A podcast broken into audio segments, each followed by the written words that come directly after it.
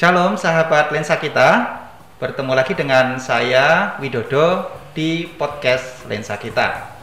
Dalam episode yang ke-24 ini dan memasuki minggu kedua di bulan keluarga, kita akan berbincang-bincang dengan bintang tamu kita di bawah satu tema keluarga yang gemar berliterasi. Wah, kayaknya menarik ini tema ini. Langsung saja kita sambut bintang tamu kita yang sudah hadir di studio Ibu Handini. Selamat datang Bu Handini. Terima kasih Mas Wid sudah mengundang saya di acara podcast Lensa kita. Ya, gimana kabarnya Bu? Puji Tuhan sehat, baik. Nah, ini yang paling penting ya, kita ya. tetap sehat di situasi seperti ini tuh kesehatan mahal sekali harganya. Betul, betul Mas Wid ya. Kalau kita masih diberi kesehatan itu satu anugerah dari Tuhan. Iya, hmm, betul.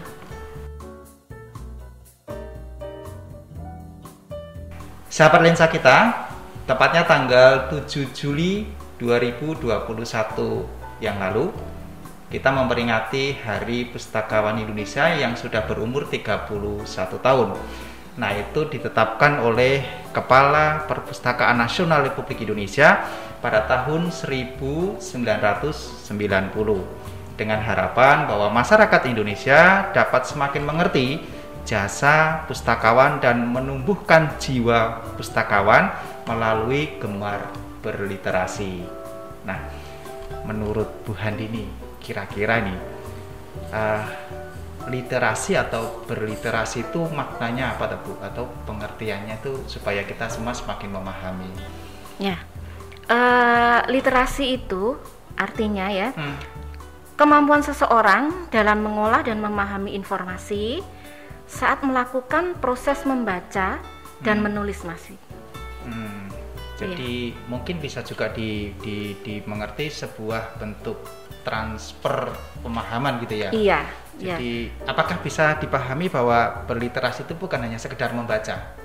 Membaca, ah. menulis, ah. lalu um, berbicara, memecahkan masalah seperti itu. Hmm, Oke, okay. jadi sebenarnya apa namanya uh, maknanya itu lebih luas. Gitu luas gitu ya. iya. ya. Lalu gimana Bu Handini memaknai Hari Pustakawan atau mungkin sebelum kita bicara tentang makna memaknainya pengertian dulu ya Bu ya supaya juga ada ada pemahaman yang jelas antara berliterasi tadi dengan pustakawan mungkin gitu ya. Iya. Uh, sebelum kita ke makna dari Hari Pustakawan, hmm. pustakawan sendiri itu artinya uh, orang yang membantu atau memudahkan orang lain untuk mencari informasi dalam menemukan sebuah buku gitu. Hmm, hmm, hmm. Nah, jadi kalau sekarang itu kan era digital ya. Yeah. Jadi pustakaan itu membantu orang dalam menemukan informasi itu bisa melalui internet, hmm. bisa melalui komputer seperti hmm, hmm itu. Hmm. Jadi dia itu sangat berjasa ya, gitu. Iya, iya. apa untuk memberikan sumber-sumber data berkaitan dengan hal-hal yang berkaitan dengan mungkin bisa pengetahuan, bisa yang lain-lainnya. Iya, ya, betul ya. betul Mas. Lalu gimana Bu Handini memaknainya? Ya, makna Hari Pustakawan itu ya eh, yang diperingati setiap tanggal 7 uh. Ah. Juli itu agar pustakawan itu semakin berkembang mengikuti hmm. perkembangan zaman yang makin maju ya. Hmm. Dan pustakawan dapat berperan aktif bagi peningkatan literasi masyarakat Indonesia yang masih rendah hmm. gitu. Hmm. Nah, lalu gini Bu, adakah pengalaman hidup Bu Andi ini kan melalui masa dari dulu zaman sebelum era digital, orang masih harus mencari buku dan lain sebagainya, kemudian masuk era digital itu ada nggak pengalaman Ibu berkaitan dengan apa namanya berliterasi atau pentingnya berliterasi nah itu lalu dampaknya itu kalau misalnya kita melakukan itu kira-kira apa gitu mas ya ada pengalaman kecil saya ah.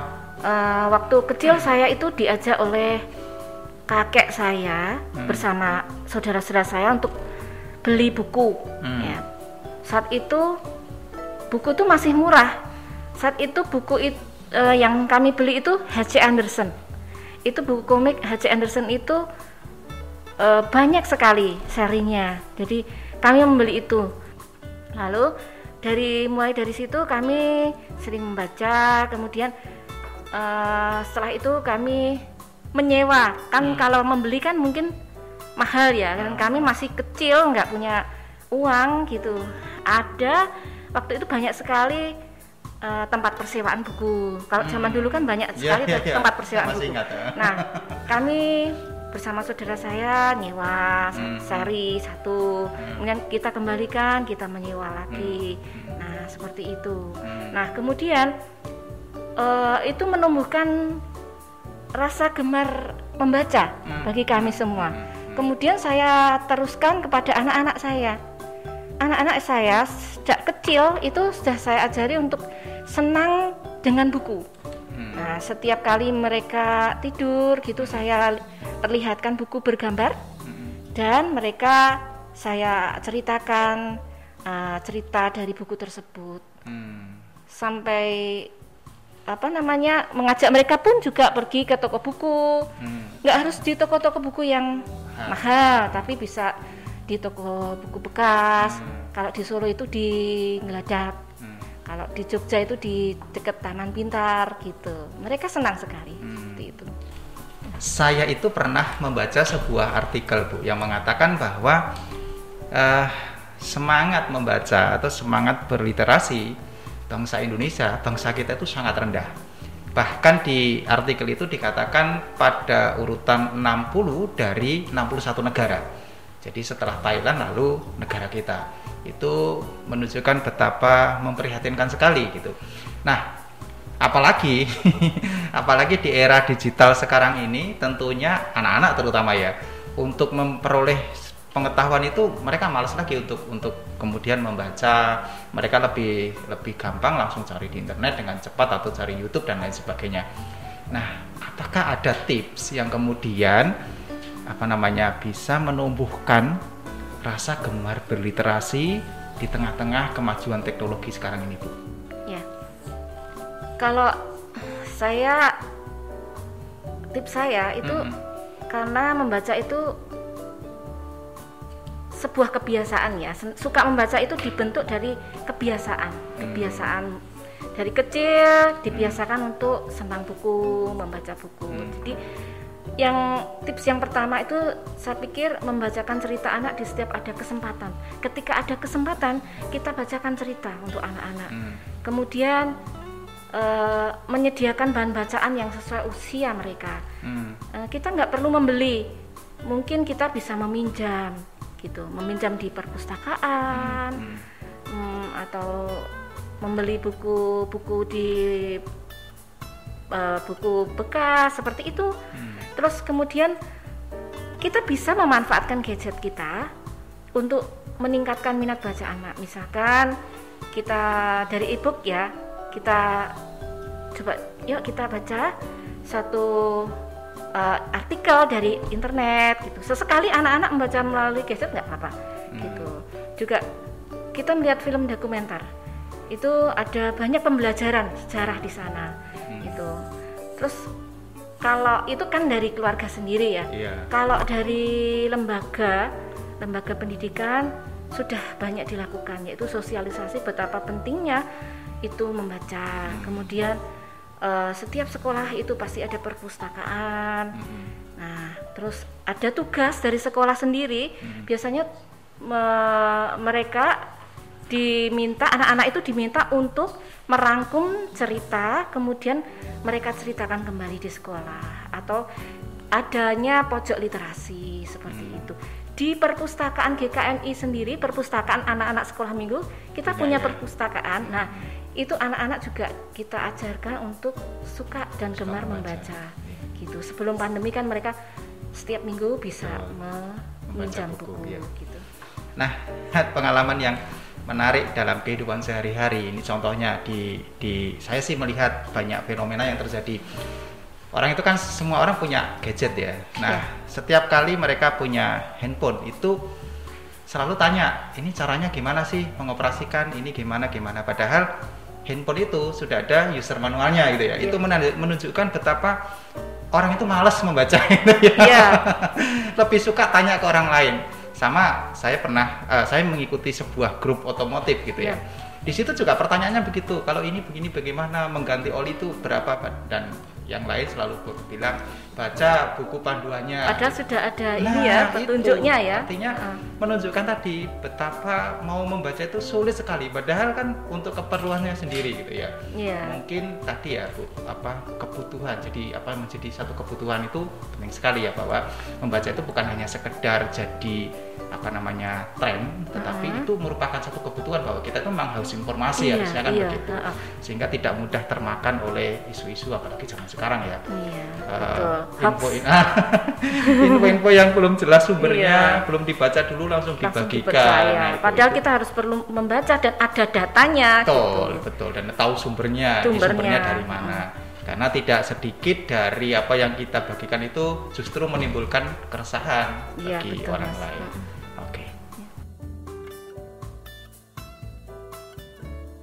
Tadi kita sudah bicara tentang gadget dan yang lainnya yang ada apa namanya user manualnya, artinya menjadi satu petunjuk di dalam mengoperasikannya. Nah, dalam hidup kita juga itu kita punya user manual atau petunjuk untuk kita menjalani kehidupan yaitu firman Tuhan gitu ya.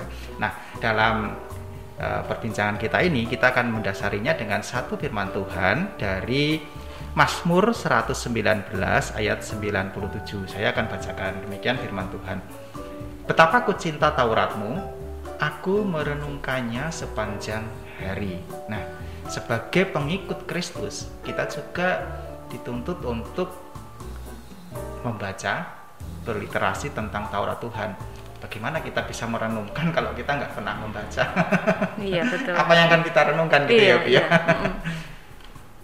Menurut Bu Handini, tanggapan Bu Handini tentang ayat firman Tuhan ini gimana Bu? Kalau kita hubungkan dengan tadi semangat untuk berliterasi tadi? Uh, dalam Mazmur 119 hmm. ayat 97 ini uh, pemazmur itu mengungkapkan kasihnya yang mendalam kepada Allah hmm. melalui membaca hmm. dan merenungkan Taurat Tuhan hmm. bahkan setiap hari, Mas. Hmm. Hmm. Itu.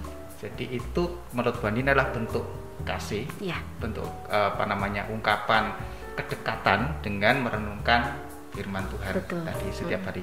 Nah, lalu Bu, uh, sangat pentingkah dalam sebuah keluarga untuk kemudian merenungkan, membaca firman Tuhan dalam kehidupan sehari-hari atau mungkin Bu Andi ini punya pengalaman dalam kehidupan keluarga tentang gemar membaca ayat firman Tuhan itu.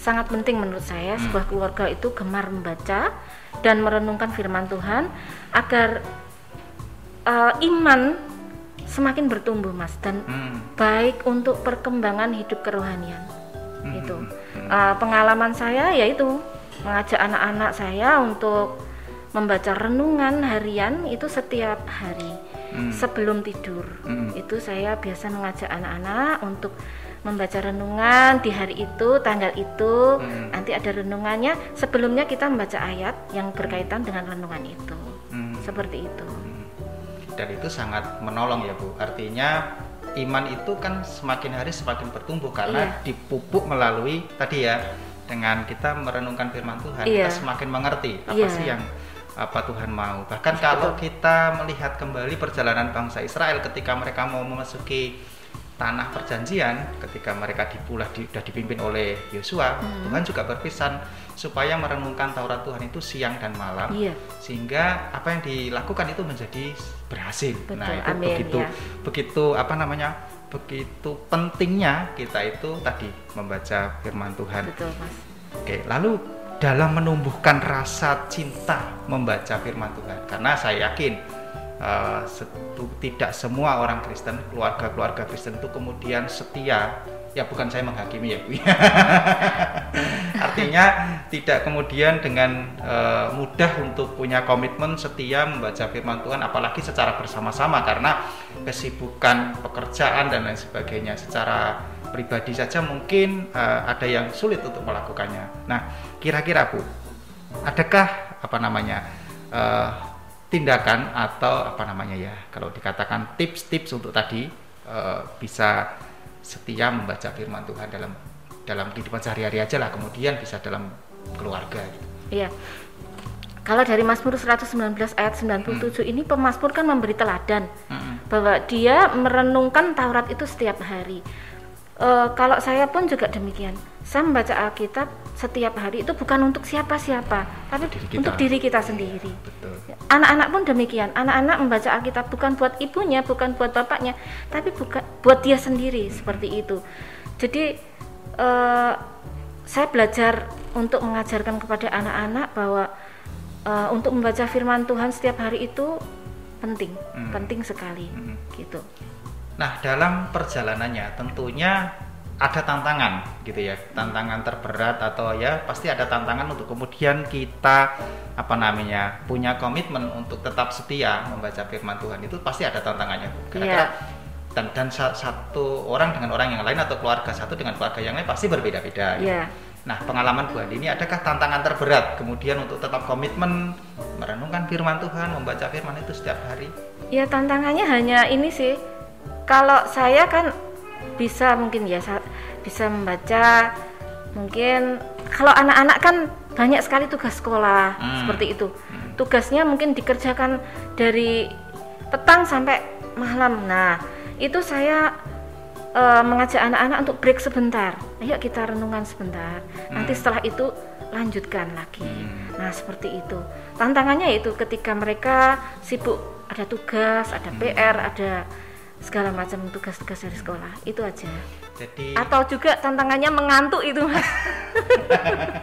Itu itu berbahaya. Jadi sebelum mengantuk uh, baca, firman Tuhan. Ya jadi memang selain kesibukan kalau saya boleh apa namanya boleh garis bawahi tantangannya itu ada dua ya. Tantangan hmm. dari luar hmm. tentang kesibukan segala macam dan yang kedua sih tantangan dari dalam diri iya, kita sendiri. betul betul. Rasa malas dan lain sebagainya. Hmm, betul. padahal sebenarnya sekarang ini cara untuk merenungkan firman Tuhan, membaca firman Tuhan itu lebih mudah ya, apalagi yeah. dengan perkembangan teknologi yang luar biasa, firman Tuhan bisa kita bawa ke mana-mana gitu ya, nggak harus jadi bawa lewat kita. gadget. Betul. Nah, harusnya itu semakin menolong kita, semakin bertumbuh di dalam pengenalan akan Tuhan. Betul, Mas.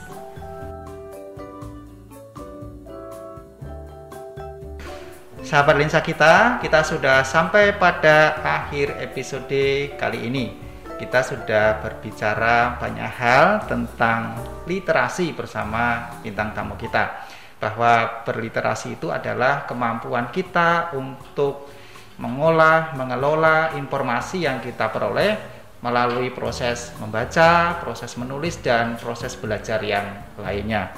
Kemudian dari Bu Handini tadi juga menyampaikan tips-tips sederhana yang bisa kita lakukan dalam kehidupan kita untuk gemar berliterasi. Salah satunya adalah membiasakan untuk membaca buku-buku ringan. Mungkin kalau ibu-ibu ya bisa membaca tips untuk apa namanya ya resep-resep masakan dan lain sebagainya. Itu adalah mungkin salah satu tips juga. Terima kasih sekali lagi Bu Handini atas uh, waktunya yang diberikan. Sama-sama Mas. Gimana Bu uh, kesannya? Uh, luar biasa. luar biasa. Oke. Okay. Jangan lupa untuk mengikuti podcast Lensa kita yang akan tayang setiap minggunya di channel YouTube GKMI Solo dan Spotify Lensa kita. Dan yang pasti juga jangan lupa untuk tetap mengikuti protokol kesehatan dengan memakai masker, lalu apa lagi ya Bu? Menjaga jarak. Hmm, menjaga jarak. Mencuci tangan. Mencuci tangan, oke. Lalu. Membatasi mobilitas. Ya, apalagi kan sekarang kan banyak jalan yang ditutup ya. Iya, betul. Lalu makan makanan yang bergizi dan cukup dan yang satu lagi yang paling penting terus berdoa supaya kita tetap dijagai dan lindungi oleh Tuhan. Sampai jumpa di episode berikutnya dan Tuhan Yesus memberkati. memberkati.